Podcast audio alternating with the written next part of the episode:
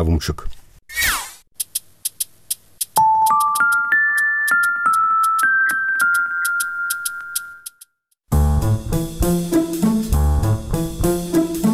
Паэтаў мінскіх атаман.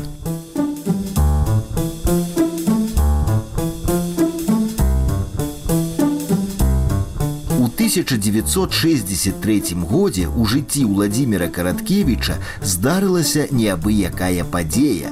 Ён атрымаў кватэру ў сталіцы, у сёмым доме на вуліцы Чарнышеўскага.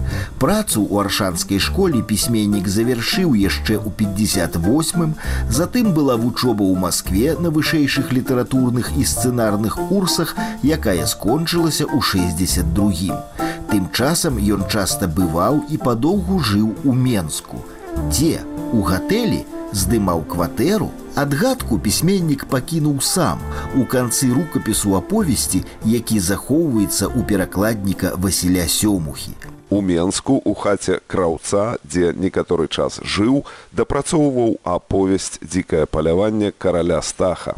У тым жа 58 караткевич паведамляў янку брылю пішу зараз увесь вольны час і за гэты час скончу сучасныя апавяданні і апрацую дзве-тры маленькіх аповесці пра шляхту. Адну амаль апрацаваў апошнюю пра 80-тыя гады мінулага стагоддзя ў беларускай глушы. Дзікае паляванне караля стаха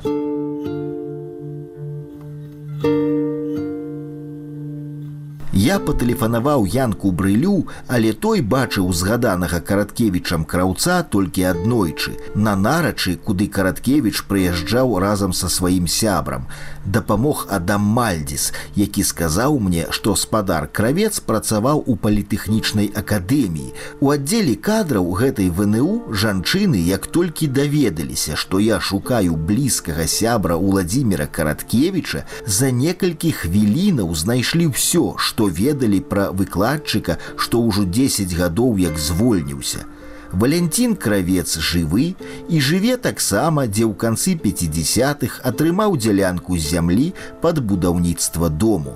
Прыязджайце, калі зручна, адказаў ён адразу на маё тэлефоннае запытанне пра караткевіча.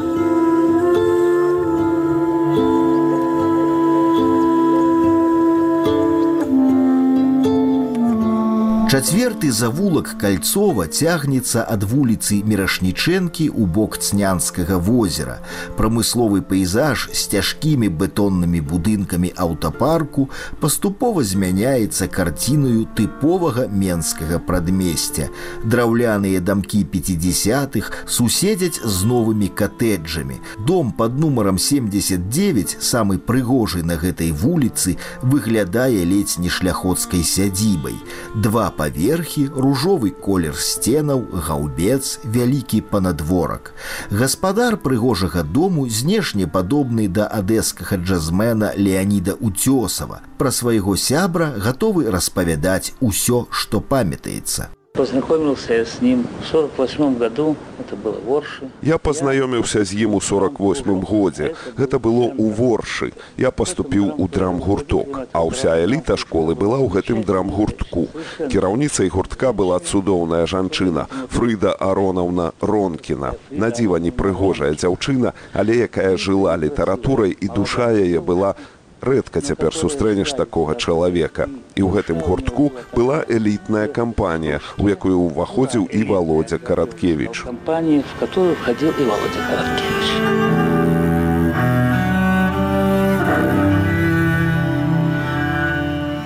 Сам таго не ведаючы, Валянцін стаў супернікам караткевіча ў любоўным трохкутніку. Аднойчы ён праводзіў да хаты упадабаную дзяўчыну, у якую, як высветлілася пазней, быў закаханы і Владзімир. І вот один прекрасны вечар. І адным цудоўным вечарам я ішоў, а з воўкам мы былі амаль ворагамі, мы не размаўлялі два супернікі. А калі я аказаўся кінуты, я ішоў паўз дом володзі караткевіча, там ляжала вялі вялізнае бервяно, на якім сядзеў валоцька і чагосьці думаў. Праходзячы міма я спытаў: у цябе запалкі ёсць, Ён кажа: ёсць. Я падышоў, закурылі. Слова за слова і пачалі мы, што такое я. Вядомае філазофскае пытанне. І мы прагаварылі з ім некалькі гадзінаў. Я яму паведаміў пра сваё няшчасце.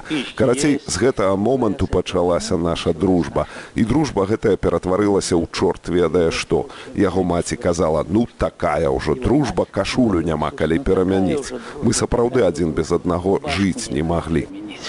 Но мы действительно друг без друга жить не могли. Сябры днямі прападалі на дняпры, а ўвечары сядзелі на гарышчы караткевічавай адрыны, дзе паэт чытаў свае вершы, напісаныя па-расейску. К этому были предпосылки, что он не писал по-белорусски. Гэтаму былі прычыны, што ён не пісаў па-беларуску. У першай школе б нас была абсалютна бяздарная настаўніца беларускай мовы, якую проста ненавідзелі. І з'ехаў ён у Кіеў. Мы перапісваліся. Ну, с Вовкой мы переписывались. Жыццёвыя дарогі сяброў разыходзяцца. Уладзімир паступае на філфак кіеўскага універсітэту, а Валянцін у беларускі палітэх, у якім пазней будзе выкладаць. Але з караткевічам ва ўкраіне адбываецца дзівосная метамарфоза. Воршу пакінуў расейскамоўны савецкі юнак володя, а назад у Беларусь вярнуўся ўжо іншы чалавек. Я помню, когда он приехал ко мне в институт. Памятаю, калі ён прыехаў да мяне ў інстытут, ён захацеў патрапіць у домік янкі купалы ў вязанцы. Грошай у нас было нуль, а цягнік даходзіў да станцыі Беларусь. Мы купілі 300 грам іржавай камсы, на хлеб у нас грошай не было. І з гэтай камсой мы накіраваліся на цягнік, без білетаў. І далей мы пайшлі пешкі. Прыйшлі мы туды, паглядзелі на гэты домік, ніякага музея там яшчэ не было, пагаварылі з людзьмі, прычым ён гаварыў па-беларуску, а я намагаўся гаварыць. Ён кажа: сціхні ты сароміш мяне, ты па-беларуску не ўмееш, а намагаешся. Памятаю ягоныя словы, якія ён сказаў: Валька, ты са сваім рэжымам памрэш ад язвы, Таму што жыць на камсе без хлеба нельга. Жыццё показала, што я не памёр, а ён менавіта ад гэтага і памёр. Жизнь показала, что я-то не умер, а он именно от этого таки умер.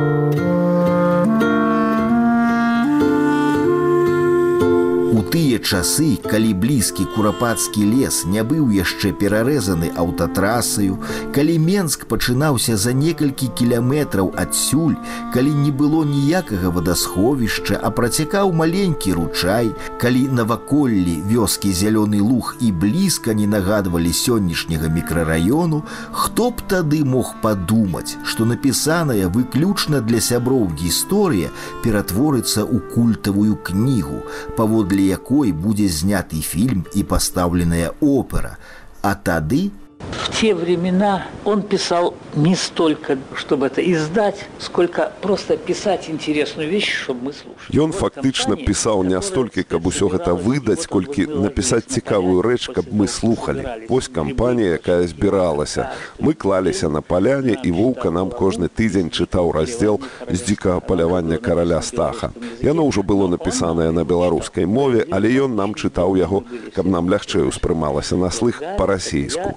І вось гэтая кампанія, якая на гэтай фотакартцы вельмі доўга мы былі разам. Галя, я, гэта воўка. Дзікае паляванне караля стаха было кожную нядзелю. Мы чакалі з нецярпеннем гэтую нядзелю. Мы кладземся на паляне і воўка чытае раздзел. Ложимся на поляне, и Вовка читает главу из дикого поливания короля Стаха. У пакоі, дзе караткевіч, гасцюючы ў сябра, пісаў свае раздзелы, з тых часоў не засталося нічога. Нешматлікую мэблю ён забраў з сабою на новую кватэру, але, нягледзячы на гэта, усё роўна ўваходзіш сюды асцярожна, бо ў такіх месцах важная не столькі музейная атрыбутыка, асабістыя рэчы, колькі выразна адчувальная энергетычная прысутнасць таго, хто тут жыў. Пол был земляной, и эти две крайние. Падлога была земляная. Гэтыя два крайнія пакойчыкі нашы, а вось гэты гэты быў ягоны пакойчык.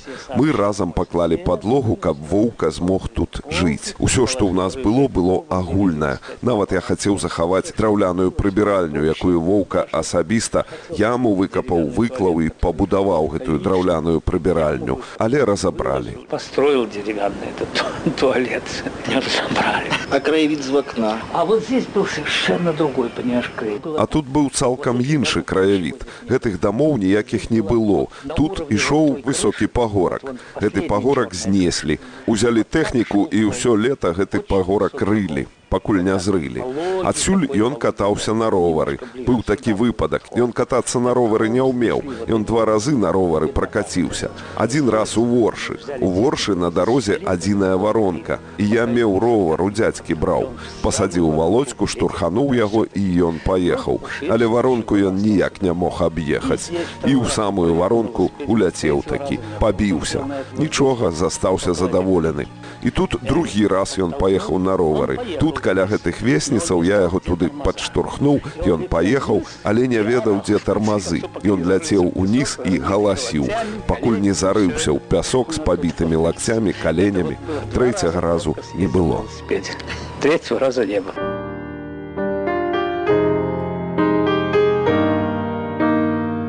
Неаднойчы чуў крыўднае пра беларускую літаратуру, што, маўляў, беларускія пісьменнікі не пісалі ў стол, што не было ў беларусаў забароненых рэчаў.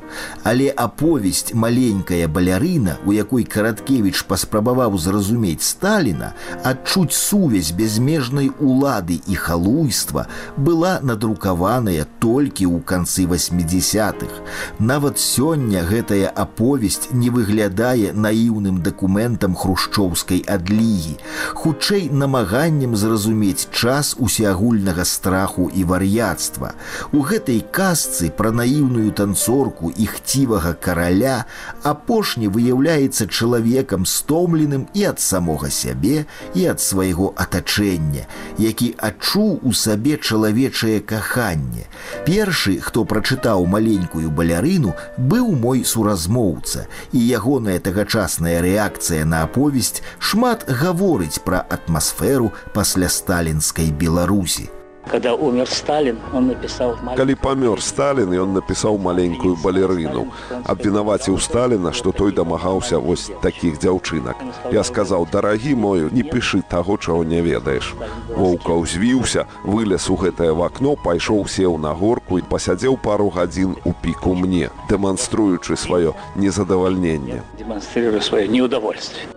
У лістападзе 1961 году сябры выправіліся на цэнтральную плошчу, каб убачыць, як будуць валіць помнік нядаўняму правадыру.